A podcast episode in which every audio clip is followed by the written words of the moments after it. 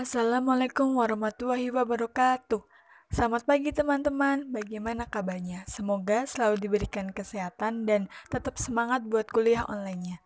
Oke, perkenalkan nama saya Winda Pertiwi. Di sini saya akan bahas topik tentang BPJS Kesehatan di mana saya mengambil judul Analisis Faktor Penyebab Defisit Keuangan BPJS Kesehatan di Indonesia. Selamat mendengarkan.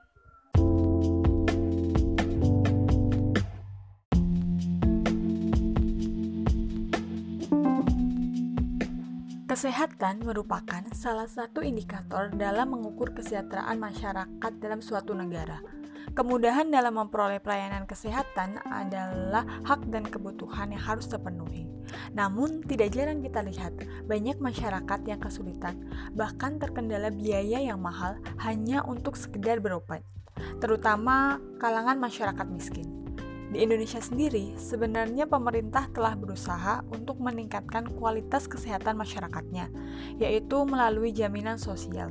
Berbagai program yang diselenggarakan pemerintah, mulai dari jam kesmas, jam kesda, askes, dan BPJS. BPJS Kesehatan ini juga melakukan kebijakan yang kita sebut Jaminan Kesehatan Nasional yang dikelola oleh BPJS itu sendiri. Tujuan dibentuknya BPJS Kesehatan yaitu memberikan proteksi agar semua lapisan masyarakat memperoleh akses kesehatan yang merata. Program ini terus mengalami perbaikan dari awal dilaksanakannya yaitu pada tahun 2014 hingga saat ini. Mengingat peserta dan mitra BPJS semakin hari semakin bertambah. Karena hal ini mereka berpikir ketika kita bergabung pada BPJS Kesehatan itu akan meringankan dan mengurangi biaya pengobatan sehingga banyak kalangan menengah ke bawah yang biasanya ikut pada program ini. Sumber pendanaan BPJS Kesehatan yaitu berasal dari iuran peserta, namun juga ada yang berasal dari investasi dan alokasi dana pemerintah. Selama berjalannya program ini, terjadi keuangan BPJS kesehatan yang selalu mengalami mismatch, di mana hal ini disebabkan oleh hitung-hitungan aktuaria yang tidak sesuai dengan yang diharapkan pemerintah. Akibatnya, pendapatan dari iuran tidak bisa menutupi tagihan BPJS ini. Sehingga pemerintah dalam hal ini tidak bisa terus-menerus memberikan suntikan dana karena keterbatasan anggaran yang tersedia. Oleh karena itu, perlu adanya analisis faktor penyebab defisit keuangan BPJS Kesehatan di Indonesia. Dan harapannya setelah kita menganalisis itu, kita bisa membuat program untuk solusi yang lebih baik agar BPJS Kesehatan ini tidak selalu mengalami defisit. Oke, dalam pembahasan kita akan membahas tentang defisit keuangan BPJS Kesehatan, faktor yang mempengaruhinya yang terdiri dari struktur iuran, kurang disiplinnya sektor mandiri atau informal dalam membayar iuran, kecurangan pihak rumah sakit. Dan kemudian kita akan bahas defisit dari sisi ekonomi dan politik. Oke, pertama yang akan kita bahas yaitu defisit keuangan BPJS Kesehatan. Jaminan sosial sebenarnya itu sudah ada sejak Orde Baru, namun peruntukannya masih terbatas hingga pada awal reformasi muncullah layanan jaminan kesehatan untuk rakyat miskin dan tidak mampu. Namun pelaksanaan program ini belum berjalan dengan lancar karena jumlah pesertanya yang juga masih sedikit dan tata kelolanya juga masih berantakan. Oleh karena itu, pada tahun 2014, tepatnya 1 Januari, diimplementasikan JKN yang merupakan program dari BPJS Kesehatan. Asuransi kesehatan ini ada yang namanya subsidi silang, di mana pembiayaan kesehatan ditanggung bersama oleh peserta secara gotong royong, sehingga tidak memberatkan rakyat secara individu. Kemudian ada juga prinsip sukarela, sesuai dengan resiko yang ingin ditanggung yang iurannya akan dibagi dalam beberapa golongan, yang masing-masing jumlahnya juga berbeda-beda. Keuntungan kita menjadi peserta BPJS adalah adanya pengawasan politik dari lembaga perwakilan, sehingga peserta dapat pelayanan yang bermutu dengan harga yang lebih terjangkau, serta adanya keterlibatan pemerintah dalam hal anggaran baik negara maupun daerah. Namun, pada tahun 2014, awal dibentuknya asuransi ini sudah mengalami defisit keuangan. Bisa kita lihat pada tabel di bawah ini, yaitu grafik defisit BPJS Kesehatan. Dari tahun 2014 sampai 2019 mengalami uh, fluktuatif di mana cenderung kepada nilai yang lebih besar. Kemudian dilihat juga pada tahun 2018 defisitnya sebenarnya sudah mulai turun, namun pada tahun 2019 diperkirakan akan naik hingga tiga kali lipatnya. Pembahasan yang kedua yaitu faktor penyebab defisit keuangan BPJS Kesehatan. Faktor yang pertama, struktur iuran. Iuran yang telah dihitung aktuaria dan menghasilkan batas bawah iuran. Namun menurut pemerintah, hal itu masih harus dipertimbangkan dan akhirnya mereka menetapkan iuran yang jauh dari standar perhitungan aktuaria. Akibatnya, iuran yang diberikan kecil, namun memiliki manfaat yang banyak sehingga resikonya terlalu tinggi. Mengingat semakin tahun, peserta dari BPJS Kesehatan ini pun semakin semakin banyak. Sumber pendapatan BPJS juga paling banyak didapat dari iuran PBI yang bersumber dari APBN. Kemudian diikuti oleh para PNS dan TNI Polri, dan paling rendah ada dari WNA dan peserta mandiri. Dikarenakan iuran yang kecil ini, pendapatan BPJS pun kecil dan tidak memenuhi target. Oleh karena itu terjadi defisit. Dan pemerintah memutuskan untuk menaikkan iuran pada 1 Januari 2020 berdasarkan peraturan Presiden nomor 75 tahun 2019 tentang jaminan kesehatan, yaitu kenaikan terjadi pada seluruh segmen peserta. Bisa kita lihat tabel kenaikan iuran BPJS Kesehatan. Untuk golongan kelas 1, sebelumnya 80.000 menjadi 160.000, kelas 2 51.000 menjadi 110.000, kelas 3 25.500 menjadi 42.000, PBI pusat dan daerah 23.000 menjadi 42.000. Itu artinya ada kenaikan dua kali lipat dari sebelumnya. Namun pada awal Mei 2020 ini, iuran BPJS Kesehatan kembali ke keadaan semula dikarenakan adanya pandemi corona.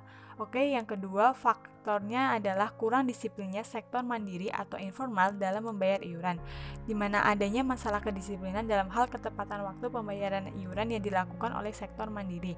Biasanya orang atau peserta mau membayar hanya pada saat dia sedang butuh pelayanan kesehatan atau sedang merasa sakit dan ketika mereka telah sembuh mereka akan menunda untuk membayarnya. Padahal dalam hal ini peserta mandiri adalah peserta yang paling sering menikmati layanan BPJS Kesehatan.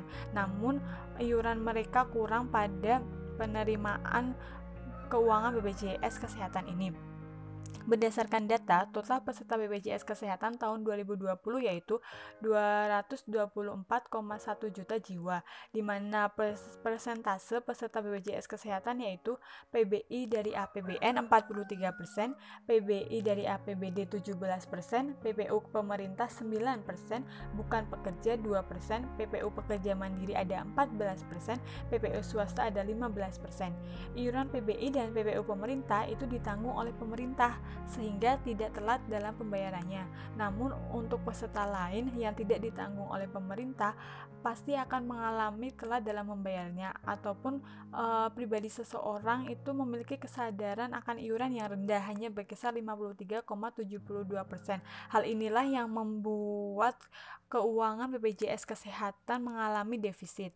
Kemudian faktor yang ketiga yaitu kecurangan pihak rumah sakit di mana berdasarkan hasil audit BPKP ditemukan kasus adanya rumah sakit yang memanipulasi kategori kelas. Ada juga rumah sakit yang melakukan perawatan tidak sesuai dengan kelasnya, sehingga ketika melaporkan tagihan kepada BPJS Kesehatan, mereka akan melaporkan keuangan yang membengkak. Kemudian ada lagi semakin tahun jumlah mitra BPJS Kesehatan semakin bertambah. Hal ini dikhawatirkan akan menimbulkan masalah baru yang menyebabkan defisit keuangan BPJS Kesehatan lebih besar lagi. Pembahasan berikutnya yaitu analisis dari sisi politik dan ekonomi tentang defisit keuangan BPJS Kesehatan. Perlu kita ketahui bersama bahwa BPJS Kesehatan yang dibentuk tidak didesain untuk mencari profit, tidak seperti asuransi kesehatan swasta yang ada motif profitnya. BPJS Kesehatan ini dibentuk dengan fungsi nirlaba. Apakah kalian tahu fungsi nirlaba itu apa? Fungsi nirlaba adalah lebih pada penggunaan hasil pengembangan dana untuk manfaat yang lebih besar bagi pesertanya. Sehingga tidak heran jika kita sering mendengar bahwa keuangan BPJS Kesehatan mengalami defisit. Dibentuknya BPJS Kesehatan ini memiliki dampak positif dan dampak negatif. Dampak positifnya yaitu meningkatnya pendapatan rumah sakit dan dari segi prosedur yang digunakan dapat menghemat waktu dan ruang inap. Sedangkan dampak negatifnya yaitu tidak semua obat bisa ditanggung oleh BPJS Kesehatan. Kemudian kenyamanan tiap kelas berbeda-beda dan dari segi obat serta ruang inap pun berbeda-beda tiap kelas. Dan ternyata tidak hanya terjadi di Indonesia defisit keuangan BPJS dalam pelayanan kesehatannya, tapi di negara lain pun mengalami hal yang sama. Salah satunya yaitu di negara Inggris dengan National Health Systemnya yang justru hampir bangkrut dan bahkan akan tutup. Namun para warganya protes agar jaminan kesehatan ini masih tetap ada. Sehingga mau tidak mau pemerintah harus menyediakan subsidi. Cara lain agar menekan subsidi yaitu dengan menaikkan iuran. Namun hal ini juga memiliki dampak positif dan dampak negatif. Dampak positifnya yaitu kualitas pelayanannya menjadi lebih baik lagi, lebih terjamin kesehatannya dan masih bisa berlanjut program kesehatan ini. Sedangkan dampak negatifnya banyak yang menonaktifkan kartunya. Ada yang pindah ke kelas yang lebih rendah dari sebelumnya dan kesadaran membayar semakin rendah karena mereka hanya membayar ketika mereka membutuhkan fasilitas kesehatan kesehatan. Di Indonesia kita bisa lihat diagram persentase jumlah penduduk miskin tahun 2014 sampai 2019 di mana di situ dapat terlihat Persentase jumlah penduduk miskin berkurang setiap tahunnya. Itu artinya peserta BPJS Kesehatan PBI seharusnya juga bisa dikurangi. Mengingat iuran itu sebenarnya difokuskan untuk masyarakat miskin dan tidak mampu. Namun karena sekarang jumlah penduduk miskinnya sudah berkurang, maka otomatis uh, peserta PBI juga bisa dikurangi ya. Dan ketika peserta PBI ini dikurangi, maka dapat mengurangi defisit keuangan BPJS. Oleh karena itu, di sinilah tugas BPJS Kesehatan untuk mendata kembali peserta mana yang masih harus menerima PBI dan peserta mana yang harus mengganti kelasnya, sehingga nantinya subsidi yang diberikan oleh pemerintah akan tepat sasaran dan defisit pada keuangan BPJS ke BPJS Kesehatan juga berkurang. Anggaran anggarannya bisa digunakan untuk program lainnya.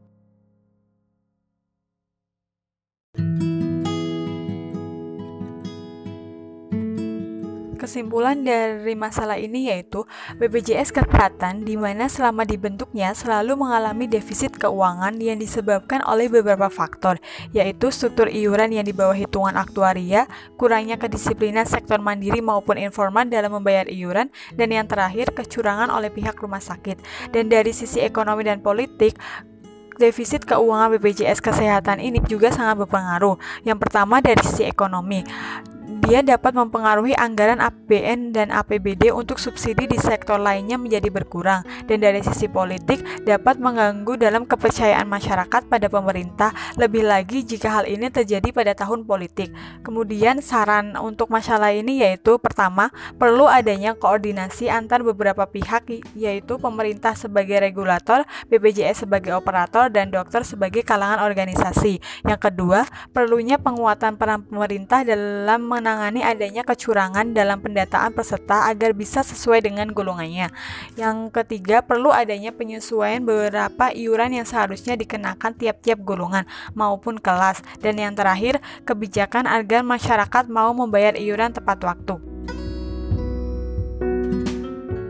Bagaimana teman-teman? Semoga kalian bisa mengambil inti dari podcast ini. Terima kasih telah mendengarkan. Kurang dan lebihnya, saya mohon maaf. Wassalamualaikum warahmatullahi wabarakatuh.